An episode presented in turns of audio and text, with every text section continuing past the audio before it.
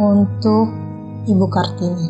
Ibu Kartini dalam suratmu pernah menyatakan, dan biarpun saya tiada beruntung sampai di ujung jalan itu, meskipun patah di tengah jalan, saya akan mati dengan merasa berbahagia. Karena jalannya sudah terbuka, dan saya ada turut membantu mengadakan jalan yang menuju ke tempat perempuan demi putra merdeka dan berdiri sendiri. Terima kasih atas adanya kalimat tegas penuh makna yang sangat menginspirasi itu, termasuk bagi saya, perempuan yang berada di barisan pejuang buruh, jalan untuk merdeka, jalan perempuan Indonesia itu. Yang kau rintis dan dibangun bersama banyak perempuan hebat lainnya. Memang tersedia hingga sekarang, mungkin tidak begitu terjal pada zamanmu. Mungkin juga langkah kakiku sekarang tidak terjerat sebagaimana jerat perempuan pada zamannya. Juga, jalan ini mungkin tidak terlalu sepi, seperti jalanmu waktu itu, karena jutaan kaki perempuan sekarang bisa menjejak jalan itu. Tidak harus bangsawan. Terima kasih untuk adanya jalan ini, jalan perempuan Indonesia untuk merdeka dan berdiri sendiri. Ibu Kartini, di negara merdeka yang turut kau rintis, sekarang juga suka sekali membangun jalan. Bukan jalan terjal, tapi jalan yang sangat halus. Tapi saya pikir jalan halus itu bukan karena ingin melanjutkan cita-citamu. Bukan, nyatanya tidak sedikit gedung sekolah yang buruk dan ambruk. Walau ada jalan halus mulus di mana-mana, jalan halus itu semakin banyak dibangun.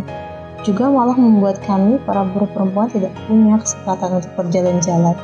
Karena Pembangunan jalan itu adalah jalan beton yang membutuhkan hutang banyak dan harus dibayar oleh rakyat dengan kerja yang upahnya murah dan jam kerja sangat tinggi. Ya, jalan beton yang kini banyak dibangun bukan jalan untuk merdeka, tapi jalan untuk mereka, mereka yang ingin untung sendiri. Jalan untuk merdeka bagi perempuan harus diadakan oleh perempuan dan rakyat sendiri. Kadang, kami juga merasakan patah karena sulitnya jalan ini.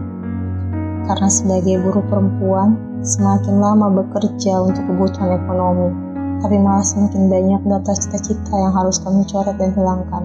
Harapan punya rumah, punya tabungan, bisa menyekolahkan anak atau adik, keinginan liburan, bisa membahagiakan hari tua dengan berkecukupan dan lain-lainnya, sudah lama harus dicoret dari daftar harapan.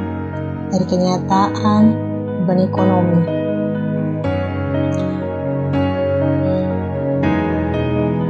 juga dari beragam aturan hukum, seperti mengotakkan perempuan bekerja untuk sebatas memiliki cita-cita agar besok bisa bekerja kembali. Ya, kerja untuk bisa kerja lagi, bukan untuk menikmati hasil kerja itu.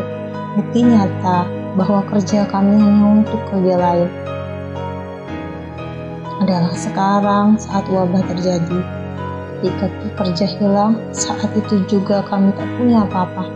Ibu Kartini, seperti semangat pada kalimatmu di awal. Meskipun patah dan berulang patang, saya ingin tetap sanggup berjalan di jalan menuju kemerdekaan perempuan. Hambatan ekonomi dan lainnya bukan alasan untuk berdiam diri, malah sebaliknya. Adalah landasan untuk menguatkan tekad meraih kemerdekaan. Sesungguhnya, tidak sendiri, saya akan berjalan dalam barisan pergerakan perempuan, buruh, dan rakyat yang ingin Indonesia adil, sejahtera, dan setara. Salam dari Bekasi. Kita.